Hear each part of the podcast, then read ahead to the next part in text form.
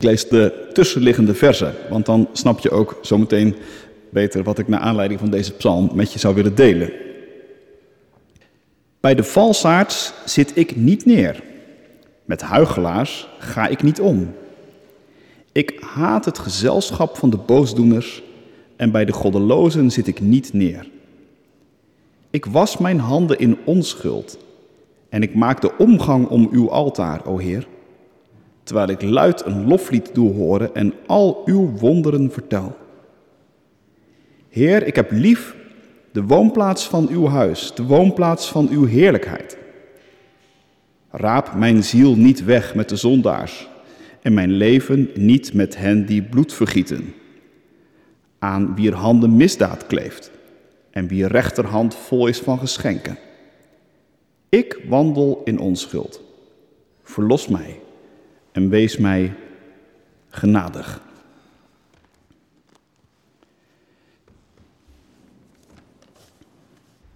Lieve mensen, de documentaire National Bird uit 2016, die gaat over het optreden van het Amerikaanse leger in Afghanistan. En je ziet in die documentaire hoe de Amerikaanse defensie bombardementen uitvoert. Op afstand. Niet ter plekke dus, door militairen die daar lijfelijk aanwezig zijn, maar met behulp van drones. Dat was toen heel nieuw. En op basis van dronebeelden en andere data wordt er op afstand bepaald of er gebombardeerd wordt, ja of nee. Die beelden die suggereren precisie en alwetendheid. Je zou kunnen zeggen het is de humane oorlogsvoering van de moderne tijd. Heel nauwkeurig kun je bepalen wie, wat, waar en hoe uitgeschakeld dient te worden. Maar, en nu komt het, de praktijk blijkt toch weerbarstiger. In die film gaan de beelden vergezeld van gesprekken tussen data-analisten. Dat zijn dus mensen die op afstand die dronebeelden moesten interpreteren en die dan moesten beslissen of er wel of niet geschoten moest worden. En een van die data-analisten, een jonge vrouw, die kon daar op een goed moment niet meer tegen en ze besloot aan de bel te trekken. Want, zei ze, deze manier van oorlog voeren die suggereert precisie en humaniteit, maar ik weet wel beter.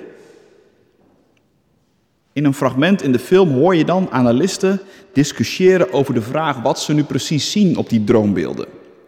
Het is een konvooi, dat is duidelijk. Maar is het bewapend?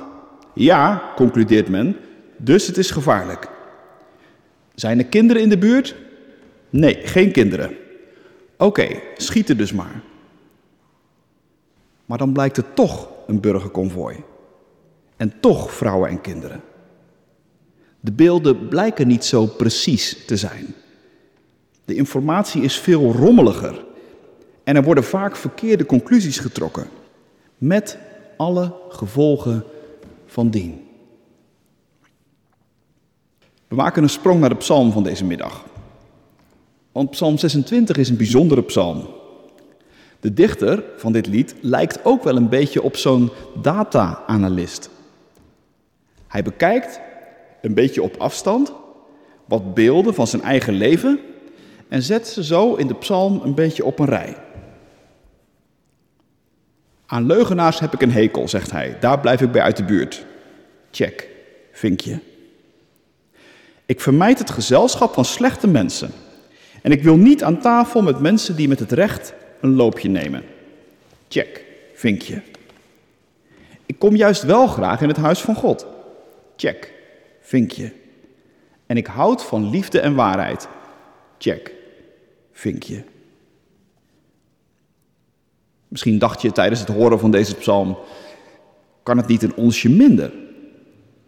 En misschien heb je de neiging om dit lied een beetje over de top te vinden. Een beetje zelfvoldaan en een beetje naïef. Misschien wel onuitstaanbaar eigenlijk, zo'n man die voor Gods aangezicht even laat zien hoe geweldig hij bezig is. Juist de protestantse traditie heeft altijd veel oog gehad voor de schaduwkanten van mens zijn. Voor de diepte en voor de afgrond in ons hart. Voor de kamertjes die je het liefst voor jezelf en voor anderen verborgen houdt. En dat is natuurlijk niet zonder reden.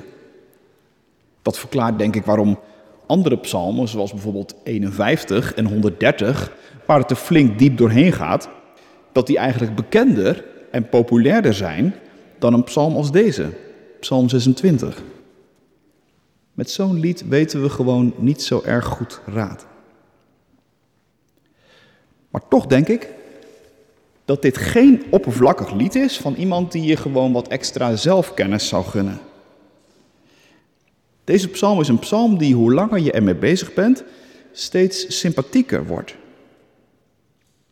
En dat komt, denk ik, omdat de maker van deze psalm, David volgens het opschrift, iets heeft van, van die jonge vrouw uit de documentaire, die klokkenluider. Want de maker van dit lied is zich namelijk er heel goed van bewust dat het interpreteren van data niet makkelijk is. De psalm valt dan ook niet in de grote valkuil van onze tijd, waarin we zo ontzettend aan data verslaafd zijn, dat het idee dat data altijd precies en eenduidig is. En dat je als je maar genoeg data verzamelt, dat je dan altijd en overal precies de juiste informatie hebt en precies de juiste conclusies trekt.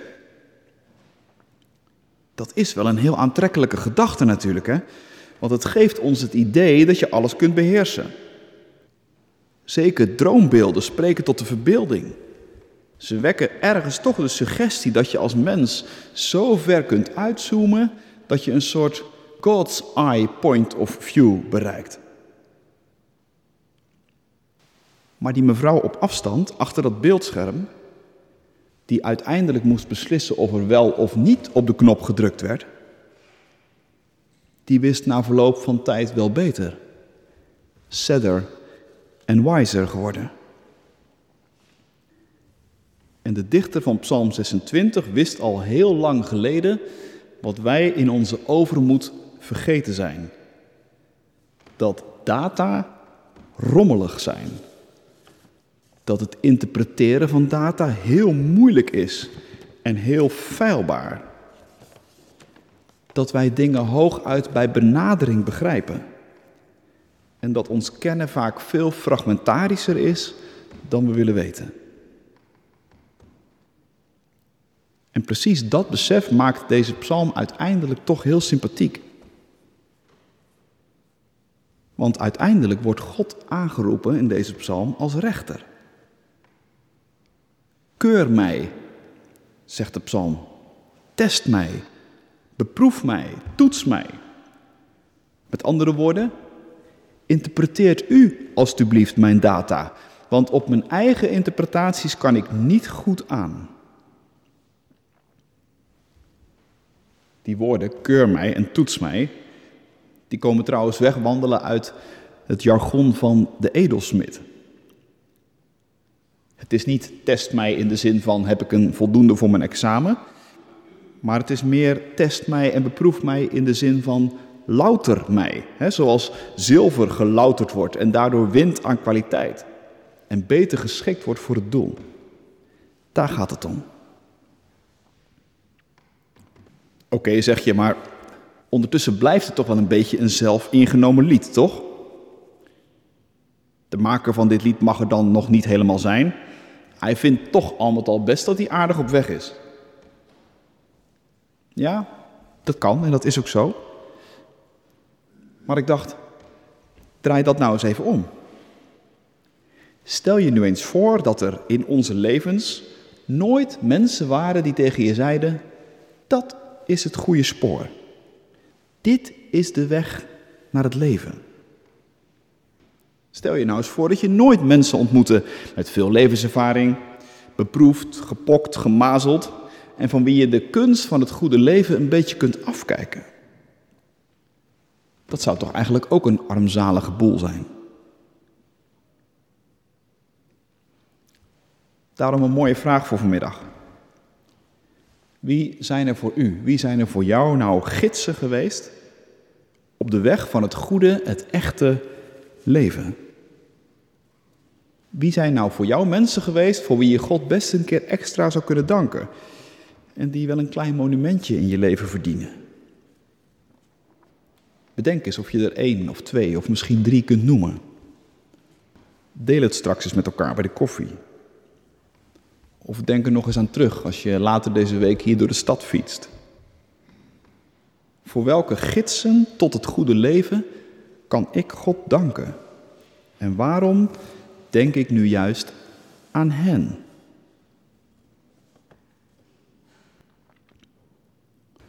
Als je het zo bekijkt, is dit dus zeker geen zelfingenomen lied. Maar het is het lied van iemand die in alle kwetsbaarheid zijn eigen leven voor God openlegt. En daarnaast in alle kwetsbaarheid ook zegt: Dit is het goede leven. Dit is het spoor dat ik ontdekt heb.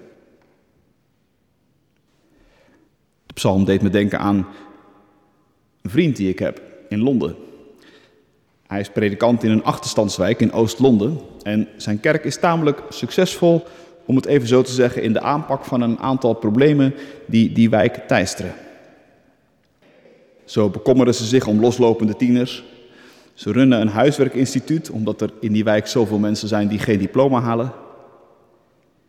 Ook huist er in de kerk een soort ambulant revalidatiecentrum, omdat er veel mensen zijn die door lichamelijke gebreken amper hun huizen meer uitkomen. Ik vroeg hem een keer, maar hoe win je nou vertrouwen? Hoe voorkom je nou dat jouw kerk gezien wordt als de kerk die weer eens even komt vertellen wat er allemaal mis is en dat wij de oplossing hebben? En toen zei hij: We are confident and not arrogant. Dat vond ik een heel mooi zinnetje, wat ik eigenlijk nooit meer vergeten ben. We are confident. Confident. Het woordenboek vertaalt dat met zelfverzekerd. Maar het komt uit het Latijn en confidere betekent eigenlijk dat je er samen vertrouwen in hebt. Dat is nog weer net iets anders dan zelfverzekerd. Zelfverzekerd werpt je terug op jezelf. Vertrouwen veronderstelt een relatie. Confident dus. Ik proef er een uitnodiging in. Een wenk. Net als Psalm 26. Kom, dit is een spoor waar je geen spijt van gaat krijgen. Wij hebben het al beproefd en er vertrouwen in gekregen. Ga jij ook mee? Als je Psalm 26 zo leest, wordt het een lied van vertrouwen, waarin vertrouwen op God en kennis van jezelf hand in hand gaan. Vertrouwen op God, die zoals Paulus het ergens anders in de Bijbel zegt, die met zijn geest onze zwakheid te hulp komt. Die ons op het goede spoor zet. Confident, maar niet arrogant. Amen.